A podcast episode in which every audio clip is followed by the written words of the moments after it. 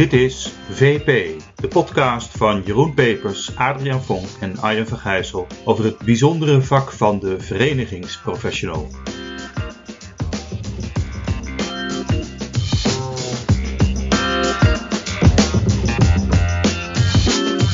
Onze podcast De Verenigingsprofessional, aflevering 25 alweer. We kijken terug op een actuele kwestie in de afgelopen maand. We behandelen een thema en gaan het hebben over waar we naar uitkijken. Dat thema van de maand is Oekraïne. Hè? Met name over hoe je crisissen die zich in de buitenwacht voordoen, hoe je die aanpakt. Nou, laten we dan maar meteen weer starten met onze rubriek De Verwondering.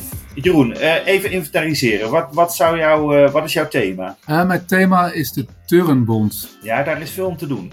Adriaan, jij? Nou, ik ben nu sinds een paar weken aan de slag bij de Metaalunie. Ja, daar vallen me natuurlijk heel veel dingen op. Eén ding wat ik eruit wil pikken is zeg maar het, het CRM bij de Metaalunie. Maar, maar dat, dat, is natuurlijk een breder vraagstuk. Over de, de eerste honderd dagen van dit kabinet. Ja, dat is een beetje voor ons als belangenbehartigers toch ook wel relevant hoe, hoe, dat, hoe de publieke ontvangst is. Maar zullen we eens even starten met de Turnbond, uh, Jeroen? Want dat gaat daar niet helemaal lekker, hè? Ja, nee, volgens mij niet. Er was natuurlijk al een tijdje vanwege de onthullingen over grensoverschrijdend, in ieder geval vermoeden, vermoedens van grensoverschrijdend gedrag uh, van trainers. Met, nou ja, ook een soort uh, familie-issue dat uh, een van de trainers ook de vader van een bekende, uh, van Lieke Wevers is. Ja, de beide uh, meisjes. Ja, ja. ja, waar vraagtekens om, omheen zouden zijn. Nou, er was toen wel een onderzoek geweest en toen ging het daarna toch mis. wat je nu ziet, en dat is ook de reden waarom ik het toch als verwondering wil noemen, is dat er toch een, een openbare klacht is van die bekende vrouwelijke turnsters. Die zeggen van, ja, wat gebeurt hier nou allemaal? Ja. Uh, de directeur uh, Marieke van der Plas uh, vertrekt bij 1 mei, de technisch directeur is vertrokken. En ze hebben gewoon het gevoel dat, ja, dat de Turnbond eigenlijk weinig betrokkenheid laat zien naar hun toe. Ook ze, hun, ze worden niet betrokken, terwijl hun carrière nu eigenlijk een enorme knik krijgt. Ja. Wat, wat, bedoel je met ze worden niet betrokken? De leden worden niet betrokken? Of, of nou, die, die, die, die, bekende topsporters. Hè? Dus dat, ik denk dat dat ook wel een punt is. Hè, van, Volgens mij is het hele topsportprogramma is gewoon on hold gezet. Ja. Dus nou eigenlijk creëer je daarmee van, ze zeggen eigenlijk van we zijn, uh, we zijn bezig met het verbouwen van de winkel. Uh, en in, waar je dan normaal zegt van alles gaat door, hebben ze gewoon het topsoortprogramma on hold gezet. Dus zij beschouwen, die meiden die gaan zich zo langzamerhand als een soort verloren generatie zien. Wat, wat voor een deel denk ik ook wel, wel zo is, dan zie je het enorme dilemma van je wil natuurlijk schoon schip maken. En uh, veel trainers uh, die in opspraak waren ook toptrainers, dus die zaten ook bij zo'n programma. dan wil je schoon schip maken voor de toekomst. En dat heeft een prijs dat degene die, die nu topsport bedrijven, dat die onvoldoende gesteund worden. En ja, die gaan nou ja, eh, zich beklagen. En dat, uh, maar wat mij opvalt is dat dit gebeurt, maar ook dat dit dan gebeurt op het moment dat eigenlijk die top net weggaat. Hè? Dus vlak voor het vertrek van de directeur, uh, de algemeen directeur en de technisch directeur was al weg, komt dan zo'n muiterij zeg maar uh, naar boven. Pittig om erin te zitten, maar dat, dat hou je dus niet, je, probeert het misschien als een soort apart vraagstuk te behandelen als turnbond, maar je houdt het dus niet goed binnen. Dat, dat, lukt niet. Ja, ik ben wat kritischer, want als ik dit zo hoor, en ik heb er zelf ook wat over gelezen, maar dan denk ik van hoe kan het nou dat je, hè, wat ik net al zei, als je de winkel verbouwt, je moet wel, je kernbedrijf is toch topsport leveren en, en, en, en, uh, en uh, zorgen dat het klimaat voor turnen goed is. En ik kan me voorstellen dat er dan heel veel moet gebeuren, maar je kan toch niet je kernbedrijf uh, dan, dan laten, zitten? Nou ja, kijk, het, het bijzondere is dat voordat dat verhaal naar buiten kwam, wat is het, anderhalf, twee jaar geleden, dat daarvoor al een onderzoek was, had plaatsgevonden, waar, waar al signalen naar boven waren gekomen. Dus dus als je gewoon naar de tijdsduur kijkt, weet men dit al lang. En tegelijkertijd uh, ja, zit men nu, uh, heeft men het on hold uh, gezet. Ja. toch in een soort crisis van, ja, ja, ja, we, we, we kunnen niet op twee schaakborden tegelijk uh, schaken. Dat snap ik aan de ene kant wel. Maar het heeft ook wel een lange aanloop. Hè? Dus ja. je had misschien wel iets eerder kunnen beginnen met schaken. Ja. Maar wat, hoe, hoe, kijk jij daarnaar als verenigingsprofessional dan, Jeroen, van daarmee om te gaan? Ja, kijk, dat, dat, in, in zo'n crisis is het natuurlijk heel erg lastig om dan te zeggen van je had zus en zo. Kijk, ik, ik denk de, de les die je hiervan uit kan trekken is uh, dat, dat zo'n voorzichtige aanloop en het proberen allemaal iedereen te vriend te houden met zo'n situatie, dat het uiteindelijk werkt het dus niet. Ja, uh, eigenlijk is nu ja. politiek ook actueel met D66. Ja, eigenlijk ja, het ik ook, ja, moest ik meteen ook aan denken. Van, ja, daar zie je ook hè, van uh, soorten met van zachte heelmeesters, uh, nou, vul maar in. Hè, waarbij je dus niet, niet meteen kordaat optreden, je later heel erg uh, wordt nagewezen en, en, en backfired, zeg maar. En dat je, nou, zeker bij D66, D66 ook wel ziet van ja, dat ze eigenlijk bang, bang voor de publieke, publieke opinie treden ze niet op. En uiteindelijk, door het niet optreden, uh, nou, gaat de hele publieke opinie tegen je. Ja, en, en is je kernbedrijf, je, je, je politiek bedrijf volgens de D66-manier, dat, dat gaat eraan onderdoor. Het vertrouwen in D66 en in de leider keldert enorm. Ja, kijk, weet je, het is een beetje beste stuurless daar aan wal. Hè? Dat willen wij helemaal niet zijn, volgens mij, de, de mannetjes van de Muppet Show. Maar het is het idee dat je inderdaad bij een crisis vrij helder en strak en snel moet handelen, ook in je communicatie. En wel in de gaten moet houden wat je, waar, waar je voor op aard bent. Dat, dat, is, dat, ja, dat zijn toch wel de dingen die, eh, die hier niet helemaal goed gaan. Nee, maar goed, wat, wat een overeenkomst is uh, bij beide situaties, D66 en de Turnbond, is dat gewoon al langer bekend was dat er wel signalen waren over van is dit nou een goede omgangsvorm. Dus uh, de losse sfeer bij, uh, bij weekendjes bij D66 en, uh, en bij de Turnbond ook toch een beetje het idee van uh, dit, dit hoort bij topsport. Hè, wil je strenge methode, ja precies. Ja, en, en dat is dan interessant. Hè? Hoe lang wordt dat dan gedoogd? En, en is er dan niemand die zegt van, joh, is dit wel normaal wat we aan het doen zijn met elkaar? Dat, ja. ja. blijkbaar niet. Dat is het, ja. Maar de, tijd, de tijdgeest verandert ook wel. Hè? Van, ja, nu, nu het, het dus serieus nemen van signalen en daarop acteren en heel, heel snel goed onderzoek naar doen en, en sneller met elkaar duiden van wat vinden we ervan, dat gesprek opstarten en, en dan daar eh, ja, dus een mening over vormen en optreden. Ja, dat, ik, ik mag hopen dat, dat mensen daar nu uh, echt al veel meer van doordrongen zijn en sneller op schakelen dan misschien een paar jaar terug. Mag ik eens een geforceerd bruggetje maken, Adriaan, naar jouw punt? Ik ken uw leden, want je moet goed weten wat er bij je leden speelt. jij, jij zit nog helemaal in de witte broodweken bij uh, de Metaalunie en verwondert je over alles wat daar zo geweldig is geregeld. Zeker. Onder andere het CRM, nou ja, zeg maar het systeem wat, eh, waar, waar, waar de informatie over ja. leden verzameld wordt. Ja, precies. En het CRM, kijk, als woord is dat natuurlijk misschien een beetje te technisch aangevlogen, maar kijk, het, het is wel uh, van, van Edes, waar we nou, ik geloof zo'n 284 leden kennen, uh, dus naar Metaalunie gegaan, waar 15.000 leden zijn. Hè? Dus 15.000 bedrijven, waarin totaal zo'n 180.000 mensen werken. Ja, dan is dus het, het systematisch opslaan en een systematiek hebben voor, voor uh, het, het kennen van je leden, ja, dus nog, nog veel belangrijker.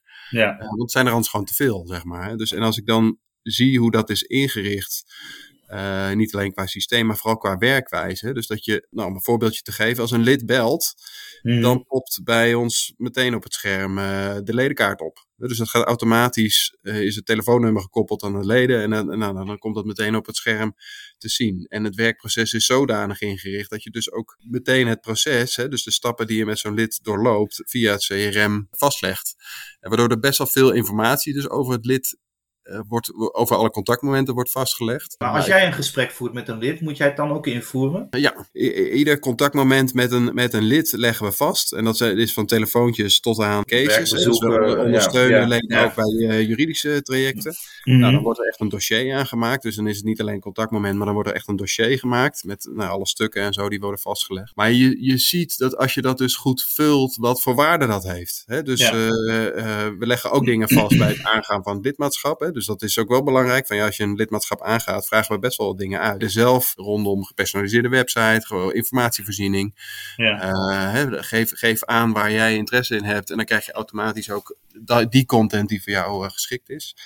Um, maar wat ik wilde zeggen is, doordat er zoveel in staat, heeft het ook enorm veel waarde voor alle andere collega's om daarin te kijken. Hè? Dus we hebben bijvoorbeeld ook 13 mensen in de, in de buitendienst werken, die dus ook op ledenbezoek gaan. Ja, als je dus nu in het CRM kijkt bij de Metaalunie, dan is daar zoveel waardevolle info uh, te vinden, dat je dus ook meteen een heel goed gesprek hebt met die met dat desbetreffende lid. Ja, jij zegt het springende punt is wel degelijk eh, dat het groot is, hè? veel leden, dus je kent ze niet allemaal persoonlijk, bij wijze van spreken. Dus je hebt dat echt nodig. En het is eh, voorbij de, de nice to know. Hè? Het is echt wel dit is de nuttige informatie die je ook echt nodig hebt. Waar je ook wat echt aan hebt. Ja, klopt. En uh, nou, ik, ik ben heel erg onder de indruk van wat er allemaal in staat, maar vooral hoe dat ingeregeld is. En, en dat het dus, ik, soms is het nog best wel een helft job om die informatie vast te leggen. En dan zit je een soort visueuze cirkel van ja, als er niks nuttig in staat, dan heb ik er ook niks aan. Dus Doe er er ook niks mee. Nee. Nee, precies. Dus, en als je Dat, dus dat ziet speelt dat- bij Edis een beetje, hè? zeggen wij heel voorzichtig.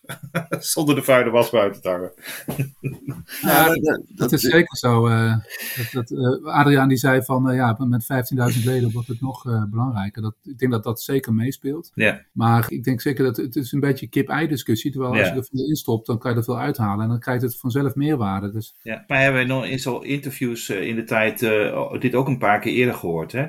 En dat daar zelfs op, op werd gedrukt van dat eh, eh, data en, en dataverwerking ook, ook, ook weer in de terugkoppeling naar je leden, dat dat een steeds belangrijker iets wordt. Bijna ook een soort asset is die je als branchevereniging kunt ontwikkelen. Nou, en het stelt je ook in staat om, eh, als je veel van je leden weet, om, om dus inderdaad ook gewoon die ondersteuning nog iets meer op maat te maken. Dus nu bijvoorbeeld met de Oekraïne-crisis hebben wij gekeken van, ja, oké, welke bedrijven hebben überhaupt business in Oekraïne?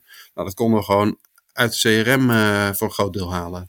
Nou, dat was wel heel nuttig om direct met die bedrijven te kunnen schakelen en hun van juiste info te voorzien en eh, mee in contact te treden en ook enquêtes te doen van, goh, wat loopt er? Wat zijn de problematieken die onze leden ervaren, et cetera. Ja. Dus dat, dat eh, ja, door, de, top. door er effort in te steken en precies wat Jeroen z- zegt, haal je er dus ook veel uit. Ja. Maar ik vond vooral de koppeling met het werkproces heel relevant. Als een CRM alleen iets is wat eigenlijk niet in je werkproces direct zit, maar waar je continu alleen apart naartoe moet om te gaan vullen. Ja, als het, als het gewoon al in je proces is ingeregeld, en dan wordt dat veel, veel makkelijker. Ja. Ik maak even het bruggetje naar mijn onderwerp. Want jij noemt Oekraïne. Eh, dat, dat kabinet van ons, hè, eerste 100 dagen. Er zijn nu wat eh, peilingen ook gedaan over hoe eh, de, de burger of aankijken tegen, tegen dat kabinet. Dat is allemaal niet heel erg geweldig. Hè? Het kabinet staat er niet echt heel goed op in de beeldvorming. Maar Nee. ik zat wel een beetje te denken: het is, het, is het nou wel helemaal fair om dit kabinet op zijn eerste 100 dagen af te rekenen? Als je bedenkt dat al die plannen die ze in dat regeerakkoord hebben vastgelegd, dat, dat, dat ze daar mogelijk best al mee bezig zijn, achter de schermen. Maar dat in de, in de, in de waan van de dag, in, maar ook in de publiciteit en media, het alleen maar gaat over eh, de energiecrisis, de oorlog in de Oekraïne, de belastingkwestie, eh, integriteitskwesties.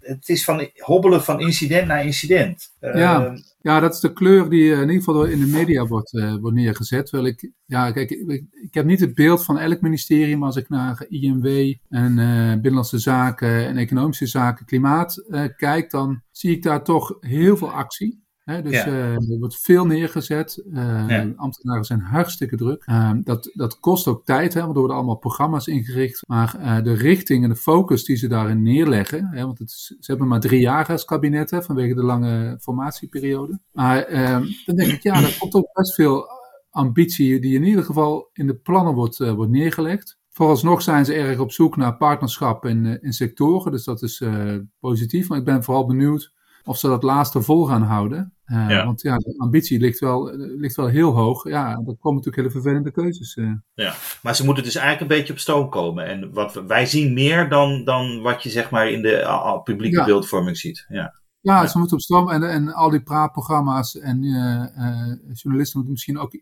proberen daar de focus naar te verleggen. Dus niet Ja. de nieuwste media hype, maar gewoon een keer goed. En die zijn er gelukkig. Hè. Er zijn gewoon een heleboel journalisten die wat achtergrondwerk eh, doen en eh, met onderzoeksjournalistiek. Ja. dat is eigenlijk interessanter, want ja, er gebeuren best, eh, er worden best meters gemaakt. Ja. Daar ben ik wel positief over. Ja, helder. Zullen we eens naar het thema van de maand? Want van crisis naar zeg maar wat er achter de schermen gebeurt. Ik heb een gesprekje gehad met Annette Koster van de Koninklijke Vereniging van Nederlandse Reders. Dus laten we even luisteren. Ja, Annette, jij bent directeur van de Koninklijke Vereniging van Nederlandse Reders sinds 2018. Ja, helemaal correct. Maar 1 maart 2018 ben ik gestart. Ja, en nou vroeg ik me af, als je kijkt naar die periode 2018-2022, heb jij wel een moment gehad dat je niet ingehaald werd door allerlei crises en, en, en gebeurtenissen die onvoorzien waren? Of, of, of ben je echt al begonnen met een lijstje met dingen van, nou, dat ga ik doen hier? Nou, ik ben vanzelfsprekend begonnen met een lijstje van dingen waarvan ik dacht, nou, dat zou ik graag willen aanpakken. Ook gewoon een opdracht vanuit mijn bestuur om de zichtbaarheid van de vereniging eh, te vergroten. Maar ik geef ook direct toe dat, eh, nou, nog geen binnen twee jaar, laat ik het zo eh, zeggen, kwamen we natuurlijk al in COVID terecht. En van COVID eh, zijn we nu eh, zo eh, naadloos overgegaan, zou ik bijna willen zeggen, in, in de Oekraïnse oorlog. Dus ik heb allemaal lijstjes, elk jaar weer. Dat zal elke vereniging herkennen met zaken die strategisch moeten gebeuren. Maar het is toch wel heel veel crisismanagement. En vertel eens over, dat, over die COVID-crisis. Want niet iedereen kent natuurlijk precies jouw sector. Maar wat, wat, hoe raakte dat de, de, de Nederlandse reders? Nou, dat raakte ons al heel erg snel. Want terwijl wij hier nog in Nederland nog helemaal niet bewust waren van iets van corona, uh, merkten wij al dat in, in Azië nou, de supply chains al uh, werden doorbroken. Dat daar al containers kwamen vast te liggen. Dat het lastig was om daar bemanningswisselingen te doen. En iedereen herinnert zich ook nog wel die beelden van, uh, van cruiseschepen die daar aan het ronddobberen uh, dobberen waren, omdat ze nergens mochten aanleggen, omdat ze besmetting aan boord hadden. Nou, met andere woorden, wij hadden heel snel door van er komt iets gigantisch op ons af. En toen in maart 2020 hier uh, in Nederland de lockdown inging, hebben wij ook binnen de redersgemeenschap in Nederland besloten, weet je wat, uh, we willen voorkomen dat onze zeevarenden in de middle of nowhere vast komen te zitten. Hè? Niet naar een schip kunnen of niet naar huis kunnen. Dus laten we ze eerst gewoon wat langer aan boord uh, houden tot het weer overwaait. maar na een paar maanden ehm, ja, werd ook wel duidelijk dat het niet zo eenvoudig zou overwaaien. En toen zijn we bezig gegaan eerst met het opzetten van luchtbruggen en later met uh, het opzetten van uh, vaccinatieprogramma's. Dus uh, ja, genoeg te doen geweest, laat ik het zo zeggen. Precies. Maar dat is in die rederijwereld, lijkt me dat een, over die afstanden een enorm logistieke uitdaging. Ja, dat is het absoluut. En als je dan bedenkt dat 90% van alles om ons heen komt over zee. Dus dat betekent dat eigenlijk moet uh, de zeescheepvaart altijd doorgaan. Wil de economie niet uh, uh, met piepende remmen tot stilstand komen. Ja, en dat betekent dus ook, wil je die schepen laten varen, heb je bemanningen nodig. En die bemanningen komen niet allemaal uit Nederland. Dus dat is inderdaad een zeer logistiek proces. Uh, omdat die schepen natuurlijk ook nog niet eens allemaal in Nederland liggen. Is het nou zo dat, je, dat jij dat belang, hè, want je noemt die 90%, moet duidelijk maken aan de politiek en de, uh, de overheid? Of weten ze jou te vinden? Ja, nee. In alle eerlijkheid, dat is wel iets uh, waar we als sector wel aan moeten werken. Dat betekent dat we niet alleen richting politiek, maar zeker ook gewoon richting de maatschappij, richting al onze buren, familie en dergelijke duidelijk moeten maken dat die zeescheepvaart zo belangrijk is. Want op het moment dat zij dat zien, dan geven zij ook dat signaal af vanzelfsprekend aan, uh, aan politiek en andere uh, besluitvormers. Ja. Dus dat, dat is dan typisch iets wat je als branchevereniging, brancheorganisatie, uh, nou ja, voor, voor, je rekening kan nemen. Ja, en, en, en in die zin, er was ooit een, een groot voetballer die zei: elk nadeel heeft zijn voordeel. Dat geldt zeker ook uh, met betrekking tot corona bijvoorbeeld. Want daardoor, het nadeel is evident, daar hoef ik niet over ja. te hebben. Maar het ja. voordeel is ook dat wij daarmee um, ja, enorm veel zichtbaarheid hebben kunnen creëren voor de sector. Door te zeggen, jongens, help ons alsjeblieft met, het, uh, met onze bemanningswisselingen, met het vaccineren van onze bemanningen. En daarbij hebben we wel podium gekregen, absoluut. Dus dat is dan weer het voordeel geweest. Daar is dus, dus de grap dat jij zegt van, ik, heb, ik begon wel degelijk in overleg met het bestuur met een soort strategische agenda, waarbij je de zichtbaarheid juist noemde. Ja. En dan krijg je vervolgens een crisis en dan zeg je never waste a good crisis, want je gaat, die crisis kun je gebruiken voor je strategische punt. Ja, absoluut. Al had ik hem vanzelfsprekend liever niet gehad en had ik het liever met meer uh, wellicht traditionele campagnes opgelost. Maar ja, zo is het wel. En datzelfde geldt natuurlijk met de blokkade bijvoorbeeld van het Suezkanaal. Opeens werd voor elke burger duidelijk die alleen al naar een bouwmarkt ging en daar een schutting probeerde te halen van hé, hey, dat vak met schuttingen is leeg, want die zitten op, schepen die uh, vertraagd zijn door uh, die blokkade van de Evergiven in het Suezkanaal. Ook daarvoor geldt weer, uh, zoals jij het mooi zei, never waste a good crisis. Communiceer en communiceer dus hoe belangrijk die zeescheepvaart is. Ja, en, en Oekraïne, even overstappen, hoe, hoe, hoe raakt dat jullie? Nou, ook gigantisch. Ik wil dat overigens absoluut geen crisis noemen, want dat is gewoon een, uh, een oorlog en een, een, verschrikkelijke oorlog. En dat raakt ons op meerdere uh, manieren. In eerste plaats omdat wij in Nederland een groot percentage Russische en Oekraïense uh, zeevarenden kennen. Uh, met name in de officiersrangen. Een derde, maar liefst van alle officiersrangen en kapiteins op onze vloot wordt ingevuld door Russen en Oekraïners. Hoe, hoe komt dat eigenlijk? Uh, nou, dat is, dat is gegroeid over de jaren. je zag dat er nou, steeds minder Nederlandse zeevarenden beschikbaar kwamen voor de zeescheepvaart. niet heel veel Nederlanders zijn nog bereid om zo lang van huis te zijn. En dat is jammer, want het is een prachtig vak, maar dat heeft iets anders. En daardoor is het over de jaren is, uh, is, het, is het ingegroeid, zou ik willen zeggen. En, uh, en je ziet gewoon, dit zijn zeevarende naties, hè? Uh, zowel Rusland als Oekraïne zitten ook aan de zee, kennen ook een maritieme geschiedenis. Ja, en blijken uitstekend in te passen in, in, in de cultuur op Nederlandse schepen. Dus ja, ja, en, nou goed, de, de oorlog begint en, en dan? Zijn nou, ze in één keer niet meer beschikbaar? Of nou, dat, nee, dat, dat niet. Uh, uh, dan is het als eerste heel erg spannend hoe gaat het aan boord? Want je hebt gemengde uh, bemanningsgroepen. Dus het is niet dat je alleen maar Russen hebt en alleen maar Oekraïners, maar dikwijls zitten ze gewoon met elkaar aan boord. Nou, dan zie je gelukkig dat ze zich uh, nou, niet alleen uitermate professioneel, uh, maar ook zeer collegiaal naar elkaar toe gedragen. Maar de vraag is natuurlijk wel hoe lang dat voort blijft bestaan. Hè? En wat kun je daar als branchevereniging aan bijdragen om die, om, dat, om die sfeer en cultuur op de schepen goed te houden? Uh, in gesprek blijven dus de, en daarover ook met je leden. Dus in de eerste plaats met je leden inventariseren hoe gaat het gewoon met jullie. Als eerste moest er geïnventariseerd worden hoeveel Russen en Oekraïners zitten er aan boord uh, precies. Dus over, over hoe, hoe groot is het, tussen aanhalingstekens, het probleem. Uh, en daarnaast uh, inderdaad met elkaar best practices wisselen. Dus dat hebben wij ook direct opgezet.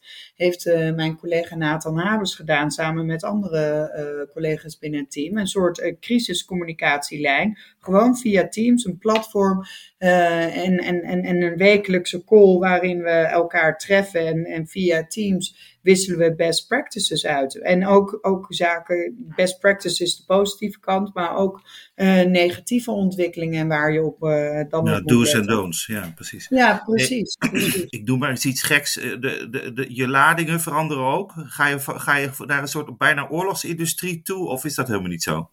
Nou, je zit gewoon, uh, dat is ook een van de uitdagingen. Er zijn uh, reders die uh, langlopende contracten hebben. Dus dat betekent dat zij, wat ze zelf ook van een oorlog vinden, niet zomaar kunnen zeggen: hé, hey, we stoppen ermee. Zonder enorme juridische procedures boven het hoofd te zien hangen. dus dat is een uitdaging. de volgende vraag is: vaar je bijvoorbeeld nog met de Oekraïnse zeevarenden op Russische havens? Uh, we zagen hier in, uh, in, in, in de rest van Europa zag je uh, verschillende sanctiepakketten. Nou, dan is weer de vraag, gaat, hoe gaat Rusland daarop reageren? Hè? En op het moment dat wij ehm, op Russische havens varen en in één keer worden hier sanctiepakketten aangescherpt, ja, wat betekent dat? Dus dat was ook wel een punt wat wij met, met de Nederlandse overheid bespraken en ook weer in Europees verband. Van, alsjeblieft jongens, let erop, wij zitten daar vast hè, en je bent daar niet in vijf minuten weg. Dus bedenk ook wat de consequenties mogelijk zijn voor uh, uh, schip en, en bemanning op het moment dat je dat je hier aan touwtjes trekt. Nou, dat, dat is dus een uitdaging. Daarnaast. Maar weer de vraag even, Annette, als, als tussendoor. Is het nou zo dat men dan naar jullie komt of moeten jullie naar de overheid? Beide. Dus ook hier weer de zichtbaarheid. Uh, uh, dankzij, dankzij de oorlog, uh, je mag het eigenlijk niet, bijna niet zo zeggen, maar dankzij de oorlog is jullie zichtbaarheid in één keer weer enorm. Ja, minder publiek dan bij, ja. bij COVID. dit is een oorlog, vraagt natuurlijk ook om veel meer diplomatie. Dus dat is, dat is veel minder zichtbaar. Het is wel zo dat, uh, nou, met name het ministerie van Infrastructuur en Waterstaat heeft wel heel erg helder op de bril dat wij daar varen en welke uitdagingen wij zitten. Dus dat is, dat is fijn. Dus daar hebben we zeker een, uh, een goede partner in. Uh, zijn jullie daar nu kind aan huis en meer dan voorheen? Nou, de, de contacten zijn gewoon goed met betrekking tot dit. Zijn we er kind aan huis? Nou, er is elke dag nu veel contact. Ja, dat zeker. Ja, en is dat iets wat jij dan doet? Of, of heb je daar echt ook je mensen voor, de, dus uh, belangenbehartigers die, die in Den Haag lopen? Nou, wij hebben onze team van beleidsspecialisten uh, zijn ook allemaal individuele belangenbehartigers. Dat loopt zeker niet allemaal via mij. Ik zou dat heel erg zonde vinden van de kennis en kunde van mijn collega's. Uh, het is wel zo dat het soms helpt om uh, de titel directeur te dragen, om nog wat sneller deuren geopend te krijgen. Maar dat is een samenspel, dus dat doe ik samen met de collega's. Dus daar waar zij uh, kunnen acteren, doen zij dat zeker zelf. En hebben zij hun eigen uh, contacten en ingangen. En daar waar ze zeggen, joh Annette, nu moet jij even instappen, doe ik dat vanzelfsprekend. Wat vraagt dat nou van een organisatie of van, de, van jouw mensen? Dat, dat, dat je inderdaad steeds wordt, wordt uh, gegrepen door allerlei externe gebeurtenissen waar je al je aandacht aan moet richten? Ja, dat vraagt heel veel flexibiliteit en een enorme inzet. En dat is dus ook wel iets wat mij als directeur altijd zorgen baart. Of nu in deze uh, afgelopen twee, tweeënhalf jaar. Is um, lukt het ze nog? De werkdruk is zo enorm. En ze zijn wat gewend, want shipping is 24-7. Dat is wel 24 uur per dag. Dus ze zijn gewend dat ook in de weekenden, s avonds er vragen kunnen komen van leden en dat ze daar dan op, uh, op uh, moeten reageren. Maar net zoals met COVID en de uitdagingen daar, de, ja, dat heeft heel veel van ze gevraagd. En wij zijn een relatief klein team. Met een heel goed team durf ik uh, te stellen. Maar dan moet je opletten dat, dat mensen niet uitvallen, dat ze zelf niet overwerkt raken. Dus je zegt, die, het vraagt veel van hun flexibiliteit en inzet. Nou, ik neem aan dat het heel gecommitteerde mensen zijn. Dat ja. hoor je tenminste vaak bij verenigingen. Maar, maar zijn ze ook multi-inzetbaar? Is, hoe, hoe werkt dat bij jou? Ja, maar dat is vanzelfsprekend. Kijk, wij, uh, formeel zijn wij een middelgrote branche met, uh, met 16 uh, man. Maar het is natuurlijk eigenlijk maar een heel klein clubje. En dat betekent inderdaad dat iedereen op alle punten gewoon aan mee trekken en werken is. Dus op het moment, wij doen ook heel veel aan individuele dienstverlening. Daarnaast hebben alle, ook beleidscollega's hebben hun eigen accounts. Dus we hebben de hele uh, ledenpool hebben verdeeld. En, en, en ook in woordvoering, ook in, in, in, in lobby. Dus eigenlijk uh, zijn het allemaal generalisten met een stukje specialistische kennis. Oh, interessant. Want je hoort, je hoort daar toch wel verschillende scholen in. Er zijn ook, uh, jij, jij komt oorspronkelijk uit de VNO-wereld vandaan, toch? Of niet? Ja, MKB Nederland heb ik heel lang gezeten. Ja, ja, met heel ja bij VNO geloofde men toch nog wel iets meer in, in, uh, in specialisme. En, en, en iets minder in dat generalisme.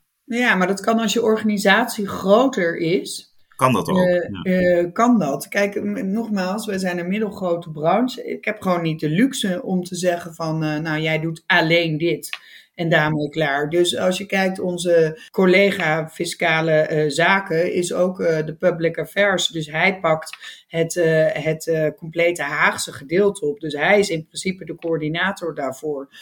dan hebben we de collega op financiering en economische zaken. En zij zit ook een aantal dagen in Brussel. ja, dat, dat verdelen we dus. Dat maakt ook het, ik denk, de portefeuille en het werk van de verschillende collega's natuurlijk ook ontzettend interessant. Hè? Als je meer dingen mag doen. En dat maakt ook dat ik bijvoorbeeld ook heb geïnvesteerd samen met het team in een stuk woordvoering. Ik kan het allemaal wel vertellen, maar dan is het een doorfluisterspelletje, want zij zijn de specialist. Ja. Nou, laat ja. hen de woordvoering dan maar doen. Oh, wat ontzettend waarbij, leuk. Het lijkt inderdaad wel... ontzettend uitdagend uh, voor, voor, voor, om daar dan zo te werken. Dat je, want je werkdag is dan ontzettend uh, divers, neem ik aan. Ja, maar dat is ook wel een, een daar zit ook wel uh, de strategie achter om zo het werk attractief te houden en zo dus ook de mensen aan je te blijven verbinden. Ja, de trouw is hoog en het werkplezier is volgens mij ook hoog. En dat zijn ook wel zaken waarin je, denk ik, als organisatie moet investeren. Uh, ik wil je erg bedanken voor dit interview. Graag gedaan. Nou, mannen, dat was het. Het interview met Annette. Uh, Jeroen, reageer eens. Ja, het is, het is wel mooi om te zien dat ze dan van zo'n uh, van zo'n crisis toch een kans uh, maakt. En toch op verschillende momenten ja, ook het journaal wist, wist te halen. En ook eigenlijk die, die sector die een beetje voor ons die, toch een beetje verborgen is voor Nederland. Hè, omdat ze natuurlijk de wereldzeeën bevaren. Dan ben je altijd ver weg. Ja, altijd ver weg. ook als we daarmee bezig zijn. En, en misschien toch wat minder op een netvlies staan. nou, wel heel erg knap dat ze dat dan toch zo weet neer te zetten als een uh, prangend issue. Nou, en, via, en, via, de crisis, hè, waar ze dus in eerste instantie gehinderd werd in haar campagne om, om ze meer zichtbaar te maken. Maar via de crisis werden ze zichtbaar. Ja, ja nee, dat, dat, dat, is gewoon uh, knap gedaan. En is, kijk, ze hebben een bureau van, wat is het, van 16 uh, mensen. Ja. Dan is het best uh, pittig als je het voor je kiezen krijgt. Dus dat, nou, dat, dat, vind ik dan toch knap gedaan om dan van zo'n crisis een kans te maken. Wat me ook opvalt is dat zij geheel in lijn met wat wij ook in ons boek hebben beschreven. Hè, dus groeien in inhoud, proces en relatie als het gaat om het zijn van een verenigingsprofessional. Dat zij ook zegt van, dat herken ik sterk, dat mensen ook gewoon multi-inzetbaar moeten zijn. Dus dat het hoofd financiën ook de, de lobby doet, zeg maar. Dus heel, heel multidisciplinair. En zij zegt, dat heeft waarschijnlijk ook wel een beetje te maken met de schaal waarin dat gebeurt. Ja, natuurlijk. Ja, ja ik denk dat dat ook hartstikke leuk is aan een kleine vereniging. Ja, of Dat je gewoon van alles en nog wat doet. Ja, precies. dat, uh, ja. Geen dag hetzelfde. En, uh, maar gewoon uh, inderdaad verantwoordelijkheden ook lekker laag neerleggen. Dus wat ze zegt, woordvoerderschappen ook nou ja, gewoon bij, bij, de, bij de medewerkers zelf neerleggen. En, en zij vervolgens weer richting dat bestuur. dat ze zelf, nou ja, zelf weer meer het initiatief heeft genomen. Dus het bestuur is meer kaderstellend geworden. En natuurlijk ook wel plaatjes voor gebruikt in ons boek. Hè, over de verhouding tussen werkorganisatie en, en bestuur. Dat je, dat je bestuurder heel erg bovenop kan zitten. Maar dat je ook kan zeggen, nee de, de, directie komt met de initiatieven, die, heeft het, uh, die, die beschouwt het veld en die toetst dat aan het bestuur. Ja, ja en het is natuurlijk ook het is allemaal een kwestie ook van personen en de invulling. Ik denk dat zij dat dan toch het vertrouwen krijgt van het bestuur en daardoor ook uh, meer ruimte. Ja. Nee, dat is een beetje wisselwerking. Nou, Annette, was, uh, Annette, Annette, was met haar vereniging ook uh, genomineerd hè, voor de DNA Award uh, vorig jaar. Dus, uh, Arjen, Arjen, vraag je, wat hoor ik jou nou zeggen van goh, je ook de, de controller zou bij wijze van spreken lobbywerk moeten kunnen doen? Is, is, is dat wat jij. Ja, zij, zij, zij zegt. Zo, zo, zo nou, ver dat wij ook zeggen van nou dat. dat dat soort, want mij, ja, het ligt ook een beetje inderdaad dan aan de grootte van de organisatie. Ja, dat denk ik. Dat laatste denk ik zonder meer, want ik bedoel, wij hebben zelf natuurlijk in, in al onze eerdere podcasts en interviews de vraag gesteld van hebben jullie nou specialisten of uh, generalisten in dienst? vaak kwam dat aan de orde. Uh, nou ja, in ons boek gaan we een beetje uit van zeg maar generalisme met, met, dan, met dan uiteraard natuurlijk wel je achtergrond en je eigen expert, eh, expertervaring. Maar toch in hoofdzaak dat mensen generalist zijn. En je ziet dan dat bij grotere uh, clubs, zoals bijvoorbeeld VNO, die, daar hoorden we dan van nou, we, we hebben toch echt wel specialisten. En zwaar juridisch werk kun je niet overlaten aan een communicatie, uh, met een communicatieachtergrond. Is waar, maar ik denk dat kleine en middelgrote brancheverenigingen kunnen zich gewoon niet permitteren om met allemaal uh, mini-specialismen te werken. Dan moet je gewoon echt, je moet een generalist zijn. Je moet van alle markten thuis zijn. Uh, en, en dat is ook, denk ik inderdaad, wat het werk ook erg leuk maakt bij een branchevereniging. Ja, nou, zeker. Nou, ik ken dat nu bij de zie ik dat ook, dat de juristen bijvoorbeeld breed wel inzetbaar, inzetbaar zijn. Hè? Dus, dus ja. uh, veel verschillende juridische dossiers en, en vraagstukken kennen. Zo worden ze ook intern opgeleid, dat je die volle breedte beheerst. Maar tegelijkertijd zie je toch ook wel dat mensen zich wat specialiseren in dingen die ze leuk vinden en waar ze, waar ze wat meer de diepte in gaan. En dan is meer de vraag van ja, hoe in een wat grotere organisatie, hoe zorg je dat die specialistische kennis dan ook, ook uh, daar waar nuttig uh, wordt ingezet. Hè? Dus uh, hoe koppel je een ledenvraag dan specifiek aan Jantje of Pietje? Nou, dat, dat moet je dan heel goed van elkaar weten. Wie, wie wat uh, weet eigenlijk. Ja. Uh, we zijn toe aan de blijde verwachting, denk ik. Hè? Uh, waar zien we naar uit? Ik, ik, had een voorgesprekje met Jeroen en die zei: Het is zoveel je rennen en vliegen, dus ik zie over het algemeen uit naar het weekend. Ja, dat, is, dat, dat heb ik ook wel vaker dat ik dan uitzie, maar. Nee, als, als ik een beetje bewondering dat ja, toch die enorme druk op de arbeidsmarkt, die we overal zien en vacatures die lang openstaan, en moeilijk om mensen te vinden, en dat je tegelijkertijd ziet dat het toch wel redelijk rustig is op het gebied van CAO-ontwikkelingen. Dat is een, eh, ook een rapportage begin april uitgekomen, die ook een redelijk, nou toch wel rustig beeld, maar dat... Ook in weerwil van al die eh, enorme inflatieontwikkelingen. Hè? Dus, uh, ja. ja dat, wat, wat, bedoel je met rustig beeld, Jeroen? In de zin van dat er, dat er, dat er in jouw ogen dan iets. Ja, je verwacht dan door, door die enorme schaarste verwacht je dan toch hogere cijfers. Maar dat is toch in die zin kruipt het wel omhoog, maar toch niet met sprongen. Ja, wat me dan wel een beetje verbaast is de, de stap die nou door het kabinet wordt gezet eh, voor de, de, de, de basisschooldocenten. Uh, oh, dat die bijgetrokken worden bij de salarissen van middelbare schoolleraren. Ja. ja, en ik vind, vind dat, uh, ik, snap, ik snap best dat ze dat uh, op die manier ook breed neerzetten. Maar het, is, ja, het verhoudt zich dan niet zo heel erg goed met uh, toch de relatief rustige loonontwikkeling. Die wel omhoog kruipt, maar, maar niet uh, zo'n gekke de gekte van de markt volgt gelukkig. Ja, dus ja. een beetje contrast tussen overheid en markt dus. Want de overheid maakt die sprong. Ja, ja, en dus dat, en de markt uh, houdt zich gedijst. Dat, uh, Nou, kijk, en, en ook wel, uh, kijk, het, de, de, overheid, het kabinet laat zich nu meer horen van, goh, ja, ook werkgevers, we moeten iets doen. Terwijl ik denk van, ja, hoe, hoe, hoe fair is dat? Natuurlijk, hè, we zien allemaal die energieprijzen omhoog lopen, et cetera. Maar ja, werkgever Nederland wil er ook deze crisis die, die komende is en, en we gehad hebben, nou, goed doorstaan. Dus dat, nou ja, zeker Rutte vanuit VVD, nou ja, ik, ik, ik, zie veel leden met gefronste wenkbrauwen van ja, maar hoe, hoe kan het nou dat die partij ja. zo naar de werkgevers kijkt om, om dit op te lossen, denk ik. Trekt ja. u maar even de portemonnee, uh, werkgever. Ja, ja. ja. Precies. Dus dat is wel, nou ja, in ieder geval een breuk met, met het verleden. Dus daar zag, daar zag jij niet naar uit, Adriaan. Dus waar zie, wat is dan waar jij wel naar uitziet? Nou, dat is op zich wel een beetje arbeidsmarkt gerelateerd. Kijk, binnen, uh, waar ik heel erg naar uitzie, is, is de, het zijn de nationale smededagen. De nationale uh, smededagen. Ja, Laat mij ja, dat eens even op mijn tong proeven. Wat ja, zijn dat? Dus, dus, kijk, binnen, binnen de metaalsector zijn ontzettend veel branches en uh, nou ja, subsectoren. Ja. ook heb je het Nederlands Gilde van Kunst, Sier en Restauratiesmeden. Ja. Dat, is echt een, nou ja, dat, dat zijn ambachtsbedrijven, ambachtelijke smederijen. Die uh, dus, uh, nou ja, uh, hele mooie sieren, hekwerken maken bijvoorbeeld. Maar ook zonnewijzers en beelden en kandelaars en trapleuningen. Nou, noem allemaal maar op. Ja. Dat wordt dus op ambachtelijke wijze gemaakt. en ja, tijdens de Nationale Smededagen laten ze zien ja, hoe dat ambacht in elkaar zit. Kun je zelf ook gaan smeden. Zijn die ateliers open dus, zeg maar? Ja, dat is, dat is een dag in Ulft. En, en daar komen alle leden ja, dat bijeen. Dat is mijn ja, ja, uh, gebied. Ja, ja, klopt. maar dat, kijk, dat is wel... Um, als je dat koppelt aan de arbeidsmarkt. Het is ook arbeidsmarkt. Dat is natuurlijk wel, nou, ook voor deze sector heel erg van belang dat jongeren zien wat dat werk nou eigenlijk inhoudt. En hoe mooi het is en wat je allemaal kunt doen. En, en uh, nou, welk werk daar eigenlijk verzet wordt. En ja. dat, uh, nou ja, een beetje zien is geloven. Dat is, dat is wel een uitdaging uh, voor de hele sector, denk ik. Om gewoon te laten zien van ja, maar wat is nou eigenlijk het werk wat je als jongere zou kunnen doen? En hoe interesseer je mensen ook voor dit soort ambachten en specifieke beroepen? Dus jij trekt naar Ulf toe uh, binnenkort? Ik ga naar Ulf toe en uh, ik neem mijn kinderen mee.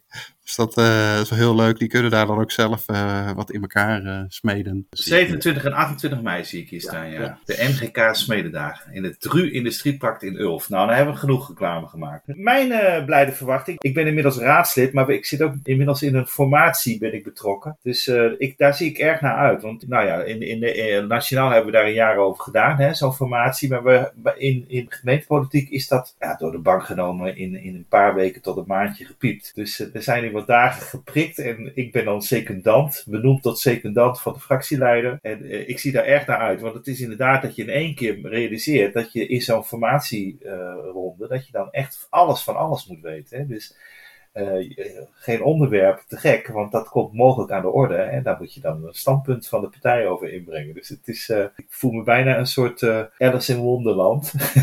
Heb je dan nog wat, wat aan de ervaring als verenigingsprofessional? Wat, wat... Ja, omdat je, omdat je toch, wij weten bij, bij een onderwerp heel vaak heel snel een, een, een outcome of een, of een lobbyboodschap of een doel wat we willen bereiken, weten we te formuleren. Dus we zijn vaak heel handig in het uh, heel gecondenseerd aangeven van wat is, hier, wat, wat is nou hier wat we willen bereiken. Uh, en een beetje wegblijven dan bij de hoe-vraag. Hè? Dus meer, de, de wat-vraag behandelen en dan zeggen van nou, de, de hoe-vraag is misschien open. Gaan we nog met de, uh, de bevolking over in gesprek of laten we in de raad bepalen. Dus dat, dat, dat, uh, dat spel, waarbij je dus kijkt van hoe ver timmer je iets dicht of blijf je op hoofdlijnen zitten, in hoeverre uh, uh, blijf je op het niveau van de outcome zitten, dat is echt wel iets, ja, zeg maar, hand, hand, handbagage die, die wij hebben. Ja. Die kan ik meenemen. Ja, en, en je hebt veel on, onderhandelingssettings ook meegemaakt. Ook, dus. Zeker. Zeker, dus ik heb vaak met, uh, met ministeries gezeten en nu ga je ja. met andere partijen zitten. Dus de eerste, eerste, eerste bijeenkomst is vrijdag aanstaande, dus daar, daar zie ik nu op korte termijn uit. Oké. Okay. Ja, dat moet echt binnen een paar weken moet dat echt gedaan zijn. Uh, daar mogen jullie mij aan houden. Nou, dan zitten we alweer aan onze tijd, uh, mannen. Ik wil de luisteraar in ieder geval hartelijk danken voor het luisteren. En tot een volgende keer. En daar moeten we denk ik nog wel even iets bij zeggen. Hè? De, een volgende keer, dat, dat wordt wel een bijzondere, denk ik. Hè? Een bijzondere podcast. Maar dat, gaan we, dat gaat de luisteraar allemaal nog wel meekrijgen. Cliffhangertje. Mooi cliffhangertje inderdaad. Een cliffhangertje. Goed zo. Yes. Mannen.